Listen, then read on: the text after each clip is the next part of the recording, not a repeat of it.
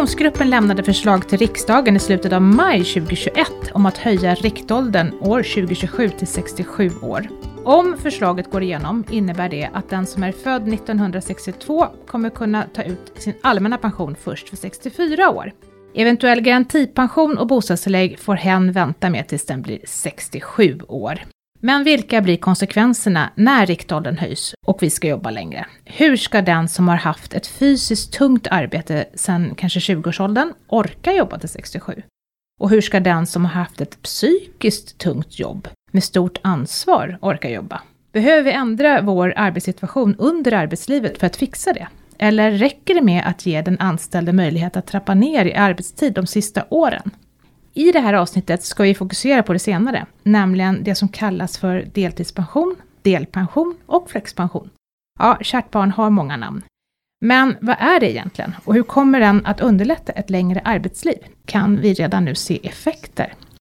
Och för att fördjupa oss i det här ämnet så har vi bjudit hit Thomas Witti från IF Metall. Varmt välkommen till min pensionspodden. Tack så mycket.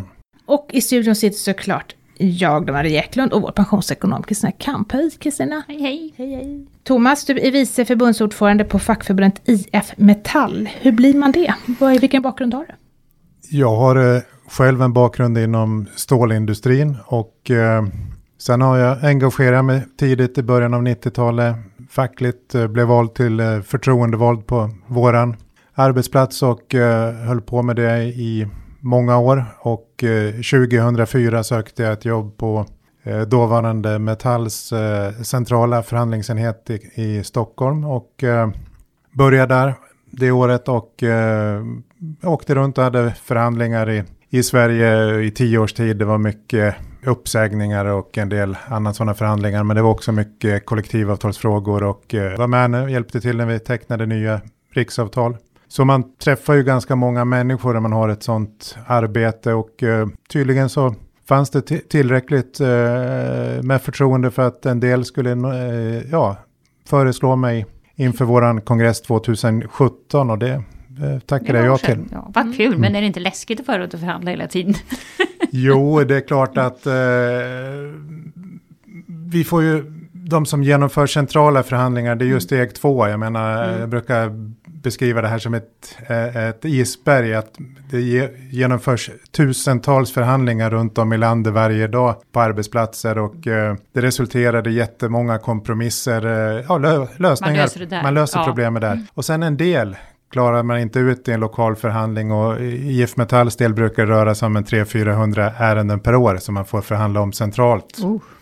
Och mm. eh, men då ska man ju komma ihåg att det är runt 12 000 arbetsplatser då, som vi är medlemmar på mm. också. Så att, ja, det, det, det är klart att det var mycket förväntningar när man kom ut och eh, eh man visste inte på morgonen hur ska det här bli löst, mm. men eh, oftast så går det ju att hitta lösningar om viljan finns från båda sidor. Så att det är ju det som är styrkan i kollektivavtalsmodellen, att man löser ett problem så nära berörda ja. på en arbetsplats som möjligt. Och Går inte det har vi förhandlingsordningen steg två och en väldigt liten del går ju i slutändan till domstol men det mesta blir löst i förhandlingar.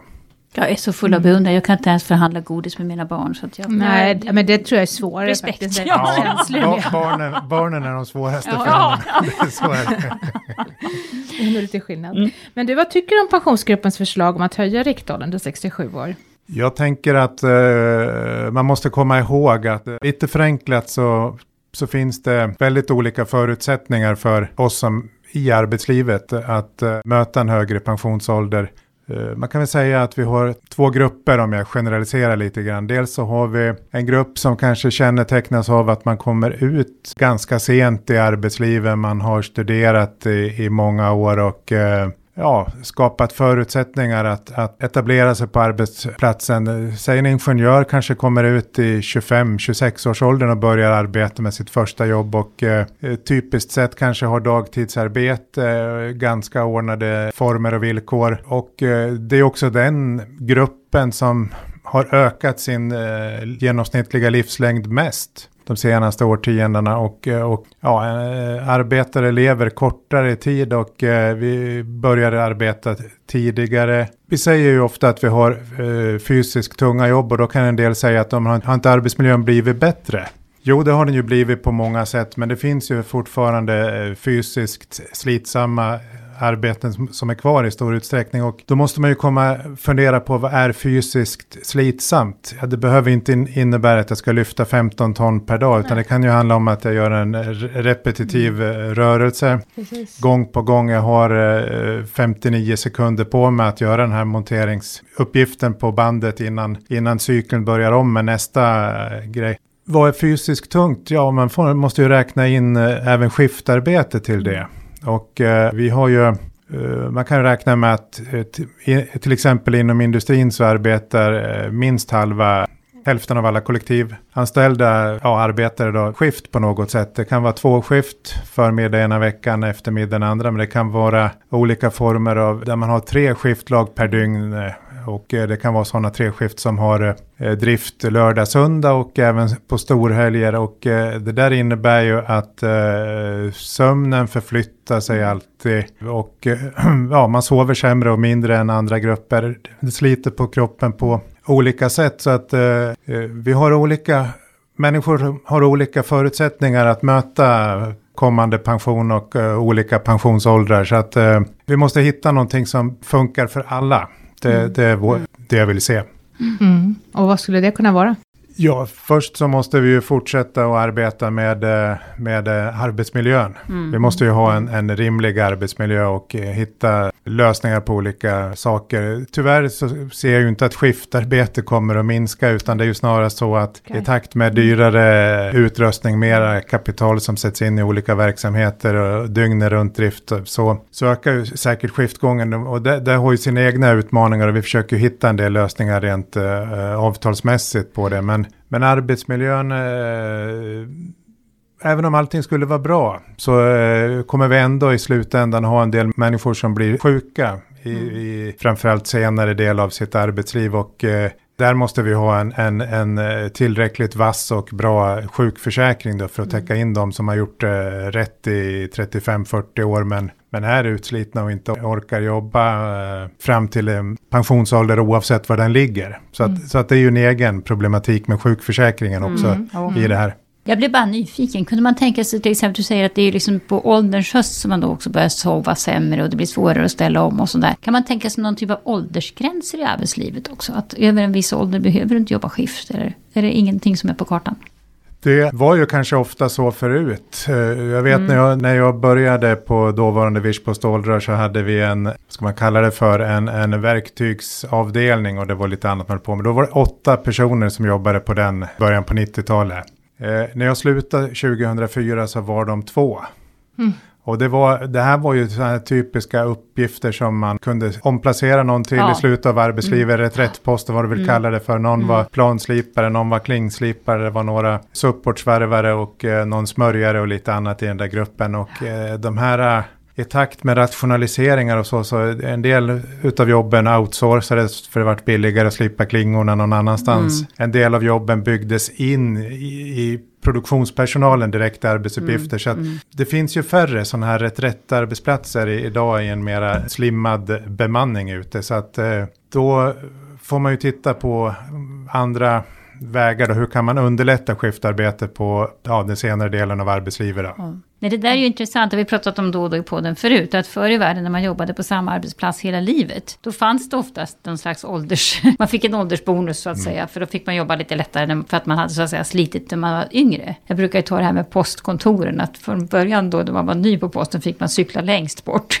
Mm. och sen ju, ju, äldre man blev, desto närmare fick man så att säga dela ut posten. Men nu jobbar vi ju inte på samma arbetsplats hela livet heller, så det är klart att det blir svårare att kräva att man ska få lindrigare arbetsuppgifter när man blir äldre, antar jag.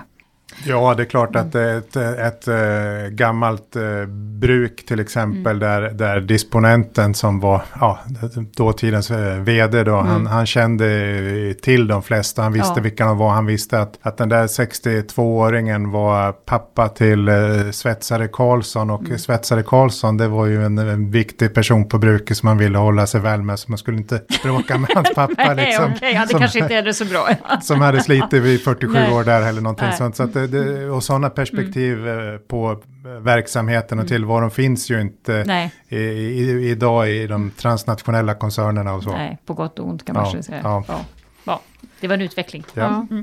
Men som svar på det här då så har man ju ändå försökt att skruva till och, och, och infört de här nya eh, avtalen som ska göra att man ska kunna trappa ner i slutet av yrkeslivet ändå för att orka. Men det är inte alla som har sådana avtal heller. Kristina, vad innebär det egentligen om man har ett avtal? Eh, om vi nu tar flexpension som exempel och egentligen så kallade väl ni det från de, för delpension från början för det var ju industrifacken som började med det här. Eh, och nu får du rätta mig om jag har fel men från början var det verkligen tänkt att man skulle sätta av mera pengar i lönerörelsen för att man skulle kunna använda det distinkt till att jobba lite mindre när man blev äldre. Och sen har det väl utvecklats så man kan så att säga få både och. Man kan antingen välja att gå kvar lite längre och då få en högre pension. Eller också växla ner tidigare i livet. Men, men styrkan var väl framförallt också att man fick en väldigt stark rätt att få kunna gå ner i arbetstid. Det var inte så att arbetsgivaren bestämde att så här, det här får du inte göra. Är det ungefär rätt tolkat? Jag skulle vilja eh, börja med att eh, i mitten av 90-talet så hade vårt nuvarande förbund IF Metall består ju lite förenklat av en del som kommer från gamla Metall och en del som kommer från tidigare industrifacket. Mm. Men båda de här organisationerna tog ju beslut på i mitten av 90-talet om att verka för 100 timmars arbetstidsförkortning per år. Mm. Mm. Och eh, dåvarande Metall hade ju framgångar i, i avtalsförhandlingarna 1995 och fick igenom eh, arbetstidsförkortningskonton. Och eh, eh, det var positivt och eh, sen kom vi till avtalsförhandlingarna 1998 och då, då hade vi ställt det kravet också om att vi skulle bygga ut de här bankerna och fortsätta med det. Och eh, på en del avtalsområden så blev det lösningen eh, då, till exempel på, på det stora teknikavtalet. Men när det kom till stålindustrin och där de stora arbetsplatserna går kontinuerliga, eh, ja de går dygnet runt och har mm, fem skiftlag. Ja. Och då, där satte sig arbetsgivarsidan verkligen på tvären och sa att vi säger nej till det här att ni ska få arbetstidskonton för att eh, ska folk hålla på att vara borta och det är in, och ta ut ledighet här och där och det innebär att ni tvingar fram ett sjätte skiftlag. Mm. Oavsett om det är en mindre arbetstidsförkortning och mindre utökning av bankerna så tvingar ni i praktiken oss att införa ett sjätte skiftlag, så stålindustrin. Och eh, det där gjorde ju att det var en låsning och man behövde hitta fram på någon annan lösning och då, då kom man fram till att nej, istället för att, att använda en del av löneökningsutrymmet till arbetstidsförkortning direkt i banker så, så valde man att börja arbeta in premier då som steg uh, på den tiden med en halv procentenhet per år. Till tjänstepensionsinbetalningen alltså? Ja, till ja. Mm. delpensionsinbetalningen ja. man kallar det. Ja det heter lite olika på olika ja, avtalsområden. Ja, men ja. så att, så att eh, redan eh, 1998 började man inom stålindustrin tjäna in sådana här premier. Mm. Och, eh, och ni var först då alltså? Ja. Vad jag vet mm. så, så var vi det, det. Det var inte vad man hade diskuterat på kongressen 95. Nej. Men just det här med förhandlingar är ju det omöjligas konst. Att mm. hitta, hitta den här lösningen istället. Och eh, så att eh, delpension är ju en arbetstidsförkortning men mm. det är en ganska lång leveranstid på den. Man får den i mm. slutet av arbetslivet. Ja, fast samtidigt så tjänar du ju in, så även om du slutar jobba så har du ju ändå fått, fått pengarna till du får ju avsatt pengar i, i, premien. Alltså du får ju ändå, du, du behöver liksom inte gå miste om den här möjligheten helt och hålet bara för att du byter jobb, eller hur? Nej, och det, Nej. det är ju en styrka för om jag då mm. ena ett år jobbar på ett företag och sen tar jobben slut där och uh, småningom får ett nytt, mm. en, ny anställning. Så tar ju med mig de pengarna och där kanske man också har en, en delpensionspremie nivåerna skiljer sig mellan olika avtalsområden men då fortsätter jag ju tjäna in pengar under mitt arbetsliv. Mm. Så att det är ju en fördel, det skapar inga inlåsningseffekter, det skapar, äh, ja det finns sådana här system i Tyskland men där tjänar man inte in en premie själv utan där är det en reglerad rättighet. Men det finns begränsningar i det också, så är det till exempel en, en arbetsplats med hög genomsnittsålder, då kan inte mer än en viss procent okay. andel av mm. styrkan mm. vara, och den modellen var inte vi så intresserade Nej. av, så att mm. det här tycker vi eh, är en bättre modell som vi har. Här äger liksom individen sitt konto. Sina intjänade liksom. pengar. Ja, ja. Ju Ja, bra. och samma rätt eh, oavsett. För att jag menar, det, tidigare delpensioner, som det finns ju, har funnits i staten till exempel, delpension. Och där visade det sig, eftersom jag nu har jobbat på statlig myndighet, så förstod man ju snabbt att det där, det var ju bara kosmetika. Det användes när man egentligen vill bli av med folk. Då kunde man erbjuda dem liksom förmånlig deltidspension. Medan de som liksom man hade nytta av, de blev ju aldrig beviljade det där för att det ansågs vara för, dyrt. Och det är ju, då är det ju liksom ingen, ingen vits med det. Men rätta mig om jag har fel, var det så att åtminstone i början i de där avtalen så skulle den här pengarna användas enbart till att arbetstidsförkortning. Man skulle inte så att säga kunna lägga pengarna på hög och fortsätta jobba och få en högre tjänstepension den vägen. Nej, avsikten är ju att man ska ta ut dem i eh, arbetstidsförkortning i slutet av arbetslivet eh, som en pensionsförberedande Ja. åtgärd. Att man går ner i, i arbetstid eh, en period innan man Mm. Så lämnar. man kan inte vänta med dem om man vill.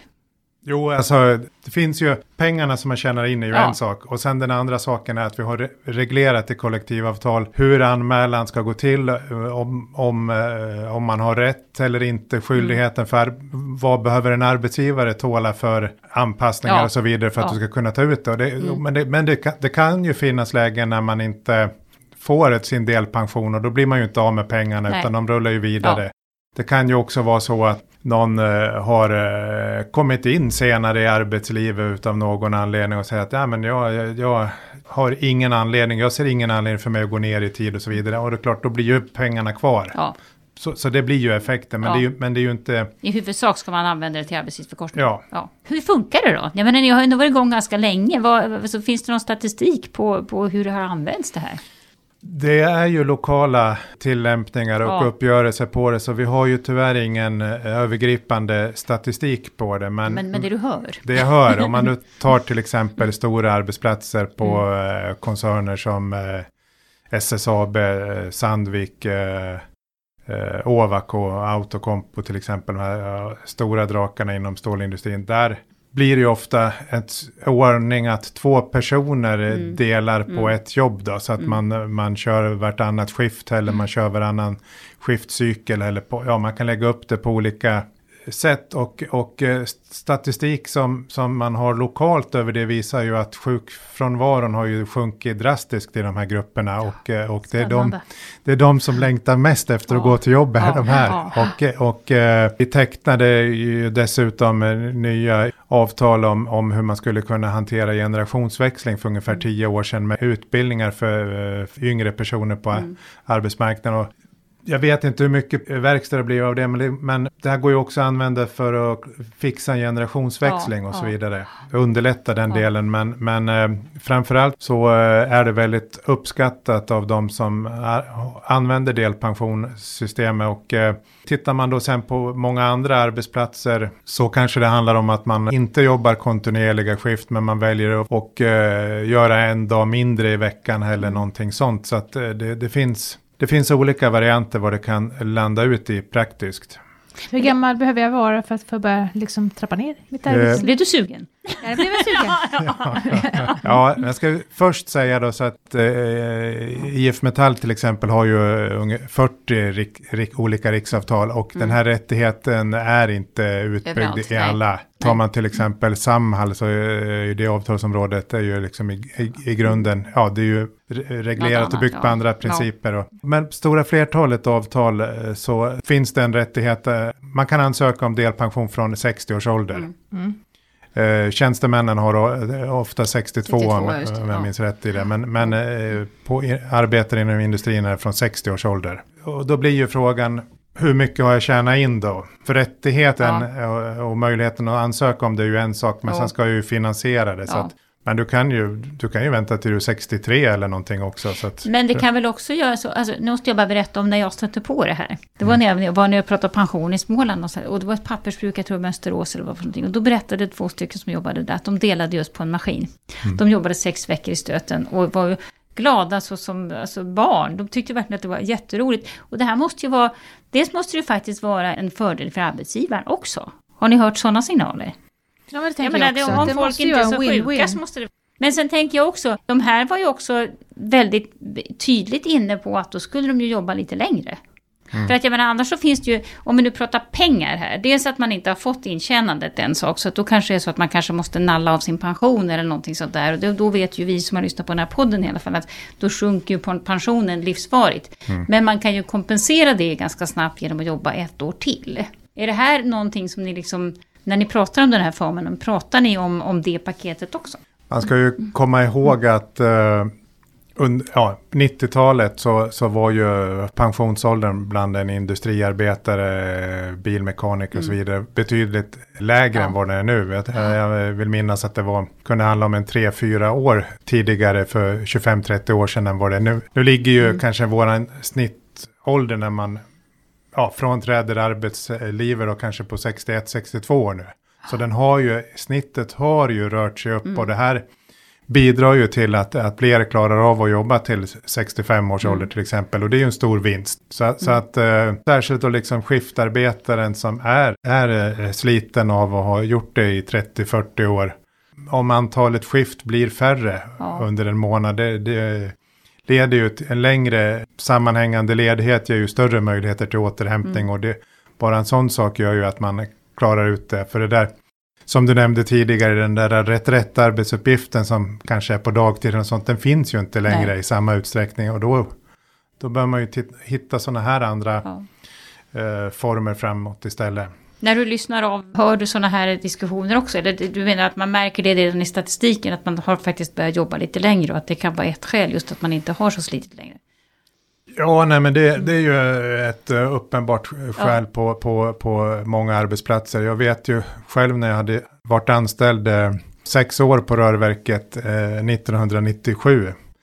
Då var jag med och avtacka de första som gick i pension vid 65 års ålder. Som, och det var de första som arbetarna som höll ut fram till 65-årsdagen på ja på närmare tio år på vår arbetsplats och vi var ju närmare 200 kollektivanställda. Så, så att det var lite unikt med de här äh, gentlemännen som hade varit anställda i 51 eller 52 oh. år på arbetsplatsen och gick, hade klarat, hade, av, klarat. hade klarat av. Men hade de jobbat lite kortare arbetstid på slutet eller de, det var full tid hela tiden? För då hade ni väl inte infört det här? Nej, då hade vi inte Nej. infört det här, men mm. de hade då möjlighet att, att uh, ha lite anpassningar ja. av arbetsuppgifterna mm. och, ja, och, och sånt. De andra så. arbetsuppgifter på ja. då. Mm. Och det är så tråkigt när du säger hålla ut, för det är inte så man vill att det ska vara. Man vill ju liksom att man ska tycka att det är kul att gå till jobbet. Och ja, man kanske tycker dit. att det är kul att komma till jobbet och träffa arbetsuppgifter, men om, om men om eh, kroppen verkar, ja, om nej, du inte precis. får sömn, då, då handlar det ju om att hålla ut ja. så länge det går. Ja. Och, eh, och, och då tänker jag att ja. deltids, då måste de ju liksom anpassa arbetssituationen så att de orkar det. Så att det faktiskt blir stimulerande och kul. Ja. Men det här med lägre sjuktal, alltså det måste ju arbetsgivarna ändå tycka att det är bra. Ja, arbetsgivarna tycker ju på de här arbetsplatserna att det här är bra. Framförallt ja. så tycker ju de, om man ska vara lite krass, att det här var mycket bättre än en direkt arbetstidsförkortning. Ja. Så, så är det ja, också. ja, men alla är hyfsat nöjda, ja. det är väl jo, bra. Nej, men det, det är ju lång erfarenhet, det, det är ju människor som har varit där länge och det är ju också ur ett krasst arbetsgivarperspektiv kanske mindre risk att de här drar någon annanstans mm. än, ja, än yngre, yngre anställda. Mm. Så, att, så att eh, det är klart att det, det är en win-win. Ja. Mm. Man behåller kompetensen också, mm. det är jättebra. Nej men och det här är ju så kul för att det som ni började med då, det har ju faktiskt spridit sig så som en löpeld skulle jag vilja säga. Mm. Men då i mm. tjänstemanna, på tjänstemannasidan. Men det var trögare där. Ja, fast viljan att få det. Sen mm. kan vi prata om arbetsgivare, hur de är. Mm. mm. men, men, viljan att, alltså, ja, vill, ja. civilingenjörerna var ju uppenbarligen beredda att strejka för denna förmån mm. för några år sedan. Och eh, nu finns ju flexpension. Och när jag pratade med Collectum sist så tror jag de sa att det var ungefär 700 000 personer som omfattades i det avtalet av någon typ av flexpension. Så att det har ju gått undan här. Men det, det kan jag tro för att vi började ju med stålindustrin mm. i slutet av 90-talet. Det byggdes på med några andra uh, avtalsperioderna efter. Men uh, den stora knuffen framåt den kom ju i, i 2013 års mm. avtalsrörelse. Då fick vi det på vårt största avtalsområde också, teknikavtalet. Mm. Och då fick ju samtidigt tjänstemännen inom industrin Så, det och sen, ja. sen var de tvingade, tvingade att morra lite lite grann för att få det med mega också. Men, ja.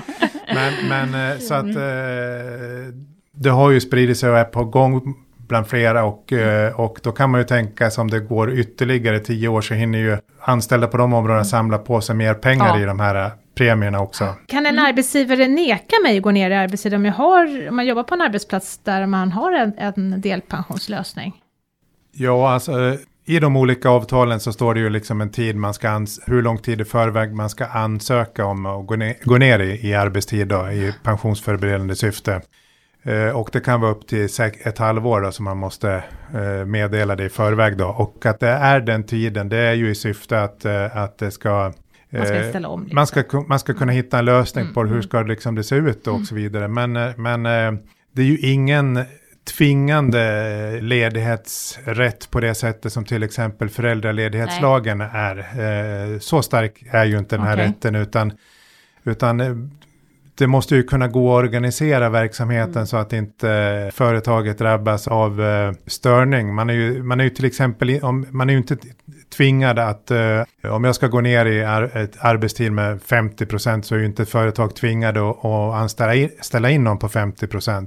Och det vill vi ju inte heller för att vi har ju heltid på våra arbetsplatser inom ja, industrin. Mm, grundprincip. Mm. Ja, och det är ju, det är ju, det är ju i princip bara de som är föräldralediga eller har minskad arbetstid på grund av barn Mm, under mm. åtta år eller, eller som är deltids, ja, inte orkar jobba heltid Mm. och har ersättning från Försäkringskassan. Det är ju, det är ju några enstaka procentenhet av hela arbetsstyrkan som inte jobbar heltid. Mm. Så att vitsen är ju att lokala parter ska ju försöka hitta hur kan vi lösa det här och det gör man ju liksom i det stora eh, antalet fall. Och, men det, det kan finnas situationer när det inte går.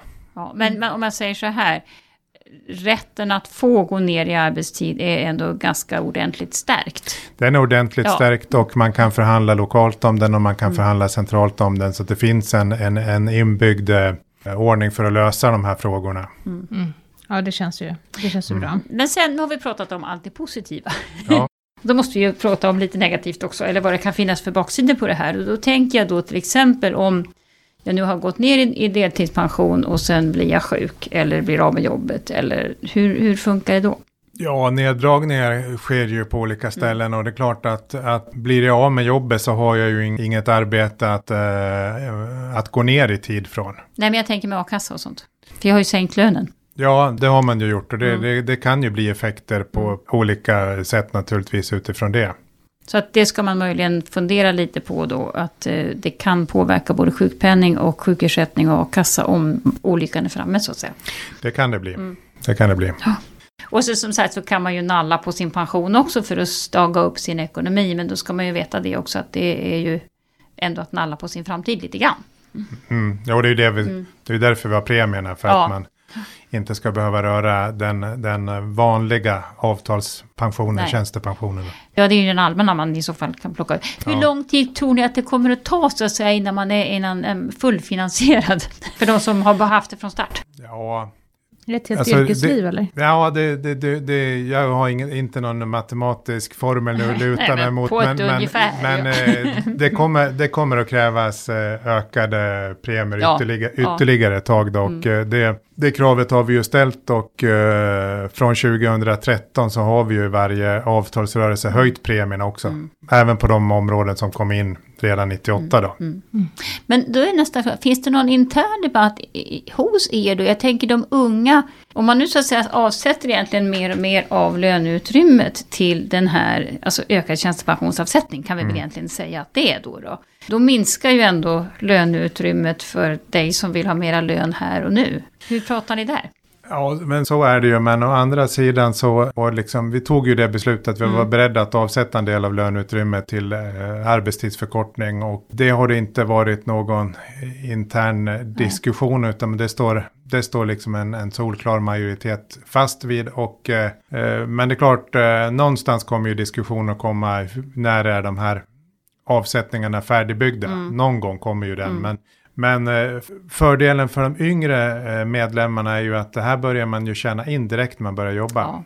Det- Jaha, ingen lägsta ålder? Nej, i, i vår eh, delpensionspremie så finns det ingen lägsta ålder utan det kan vara från 18 års ålder. Och, så det är ju pengar som kommer Mm. in och som ligger och eh, används, ja, växer till sig under lång, lång Ja. tid och eh, från den senaste avtalsrörelsen så var det ju också ett stort tryck från många yngre medlemmar och många yngre förtroendevalda att vi skulle sänka åldern för mm. intjäning av den mm. vanliga tjänstepensionen. Mm. Och eh, det sker ju också nu ja. att vi är på mm. väg ner mot eh, 22 års ålder framöver här för intjäning istället för 25. Mm. Och det gör ju jättemycket pengar mm, för den eh, ligger och växer till sig under lång tid. En tusenlapp mer i månaden ja, i pension det, tror jag ja. räknade ut någon gång. Det kan det vara. Ja. Det kan det vara. Så det är klart att det är mycket pengar. Mm. Jaha, så att de är, de är så att säga väl införstådda med att de förmodligen får del av det här så småningom själva, om man säger så. Ja, man ser ju det. Man eh, loggar in och nu kan man ju göra det via telefonen. Så jag eh, har ju uppmanat min egen 24-årige son att logga in så och titta på hur mycket har han då på delpensionspremier och annat här. Ah, ja. och, och eh, det kan han ju se direkt i telefonen. Så att då har du väl sagt att han ska titta på min pension också hoppas jag. Det har jag sagt, men jag vet inte om, jag vet inte om han har gjort det. Nej, säg till honom att logga in. Vi vill ha unga. Vi kan rekommendera, vi har faktiskt en egen liten specialtjänst för den som är riktigt ung, Min pension för unga, där han kan se hur olika löneutfall och sånt spelar roll för hans pension. Ja, det kan, vara, kan vara intressant. Ja. ja. Ja, men eh, jag tänker, ska vi vara lite filosofiska här. Vad, hur tror ni båda två egentligen? Hur, hur tror ni att arbetsgivarna ser på att ha äldre medarbetare? Om vi nu ska jobba till 67, till att börja med. Eh, vad, vad, tror vi? Kommer arbetsgivarna vilja ha oss där? Jag ser väl båda, båda ingångarna hos arbetsgivare, men, men eh, ska man titta på det krasst så ser inte jag någonting annat än att vi måste börja diskutera på allvar och höja premien, eller ja, avsättningarna till den allmänna pensionen också. Avgiften är för låg. Vi kan inte hantera stigande ålder, att snitt människan lever längre genom att alla ska jobba eh, längre hela tiden utan vi måste diskutera avgifterna till pensionssystemet och eh, ja då blir det ju naturligtvis eh, så att eh, det sker på bekostnad av annat men jag, jag ser att de flesta ser ett värde i högre pensionsavgifter. Men du tycker att det är den vägen man ska gå via den allmänna pensionen och inte som ni egentligen redan börjat med och att man plussar på i tjänstepensioner istället? Nu, I princip så gynnar ni ju tanterna som lever jättelänge på Lidingö med det här genom att höja den allmänna pensionen. Ja, men ja, det, där är ju, det där är ju en knivig fråga naturligtvis. Hur ska arbetsfördelningen se ut mellan de olika delarna? Och eh, vi behöver liksom jobba med alla tre delarna. Vi, eh, senaste avtalsrörelsen lyckades ju både förbättra ja, att man börjar tjäna in avtalspensioner tidigare. Vi höjde också premierna till delpensionslösningen. Mm. Så att de, de, de delarna har ju utvecklat sig mycket eh, de senaste 20-25 åren då. Medan avgifterna till allmänna pensionen har inte utvecklats någonting. Så att jag ser att vi bygger in en, en annan sorts obalans i systemet om vi inte höjer avgifterna. Du menar mellan olika, alltså hur stark man är på arbetsmarknaden? Nej, men jag tänker mera kanske utifrån, den allmänna pensionen måste ju um, klara av att, att fylla upp till en hygglig nivå. Mm, och sen ska ju det en liksom. bottenplatta och sen ska ju de kollektivavtalade delarna vara komplement till det. Mm. Mm. Så du pratar 20,5 procent då eller? Det finns olika siffror i luften ja, här. Jag, jag ser att den behöver höjas. Beroende på tidsperspektiv kanske det är både mer eller mindre än 20,5.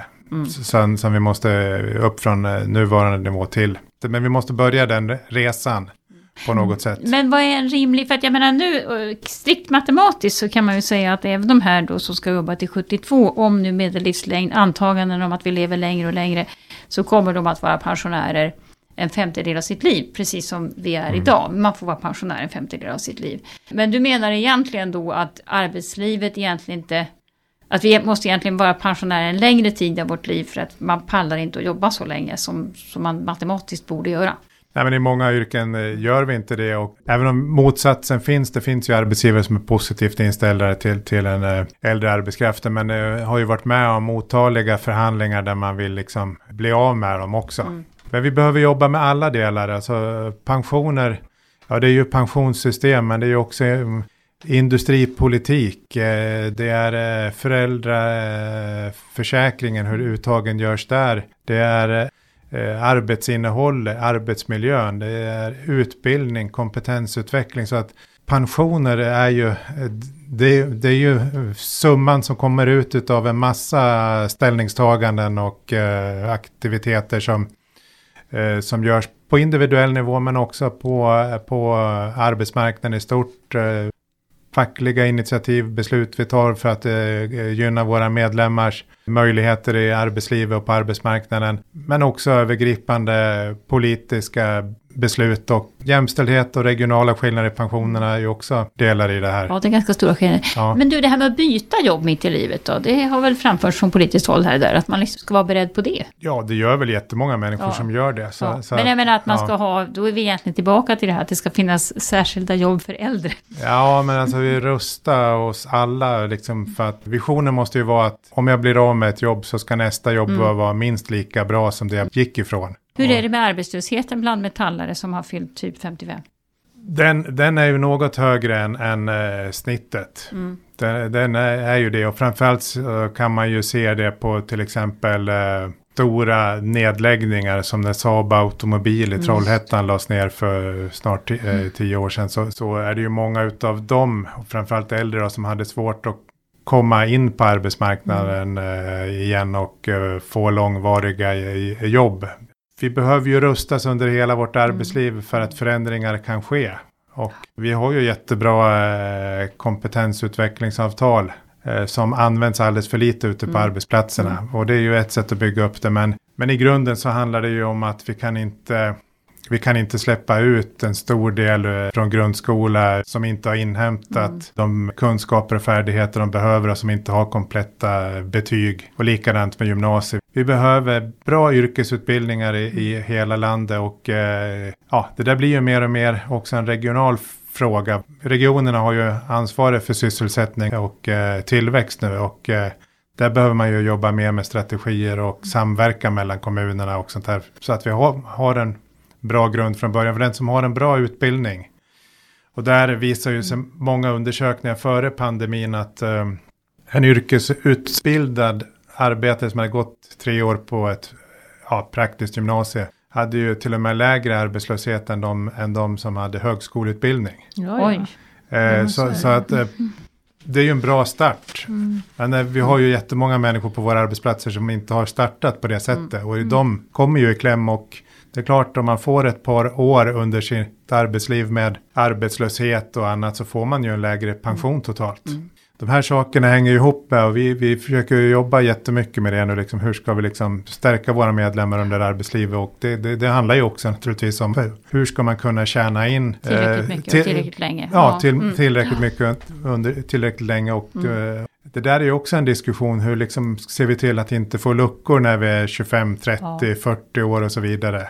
För de går ju inte att ta igen i slutet av arbetslivet. Nej, det är svårt. Nu blev vi väldigt filosofiska. Ja, verkligen. Vad härligt. Hur ska vi sammanfatta Ja, allt hur, det här? gör vi det? Jag tänkte nästan Nej. sluta med en fråga. Har vi Ja. missat något, Thomas? Är det någon Ja. fråga du hade förväntat att vi skulle ställa som vi inte har gjort? Nej, jag, jag ty- tycker vi har, vi har träffat mycket. Mm. Hur ser du fram- på framtiden då? Sia lite grann. Ja, nej, men det pågår ju eh, en jätteförändring alltifrån liksom eh, globaliseringen har ju påverkat oss under, under eh, ja, eh, minst 30 år. Eh, vi har en digitalisering, maskinerna börjar prata med varandra. Vi har, och, och det kommer att accelerera med 5G när det, vi får tillgång till det nätet. Eh, vi har klimatomställningen och, och de här påverkar ju våra arbeten och påverkar ju industrin. Industrin i Sverige är ju en, en, eh, stor möjlighet för, för eh, när vi pratar om den globala klimatutmaningen. Och, Vi ska flytta till Norrland allihop. Ja, Yes. det, så kan vi göra. Så kan vi göra. Men, men eh, liksom att... Eh, eh, men det här kommer ju att påverka jobb och det skapar ju nya eh, be, behov där vi ska få chansen att utbilda oss. Och, eh, det kan vara, man kan uppfatta det på olika sätt, men om jag säger så här att målet för oss som ett fackförbund måste vara att alla våra medlemmar har, eh, får förutsättningar att vara starka på arbetsmarknaden, vara produktiva, vara efterfrågade och då krävs det ju eh, liksom ett, eh, en, en livslång resa med utbildning och kompetensutveckling och eh, bra omställningsmöjligheter så att man inte blir utslagen. Och det är ju ett, en väldigt bra platta för att och, eh, göra det bästa möjliga av, av eh, kommande pensioner också. Tack för att du kom hit idag. Tack så mycket. Jätteintressant att prata om deltidspension.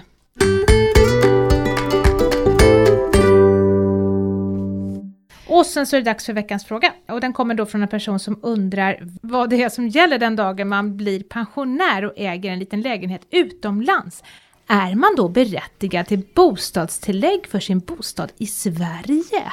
Mm. Kan man ha kakan ätit upp den liksom? Så Vi börjar väl med börja så här att bostadstillägg får man ju om man har så pass låg pension som man kan behöva hjälp med sina boendekostnader och då ansöker man om detta hos Pensionsmyndigheten. Eh, och då brukar man säga det att den, det hus där man är en fastighet, en jordbruksfastighet eller hyreslägenhet eller whatever som man är skriven i, alltså där man varaktigt bor, den ingår då inte i det här underlaget när man tar ställning till hur mycket tillgångar du har. Eh, men där är det slut.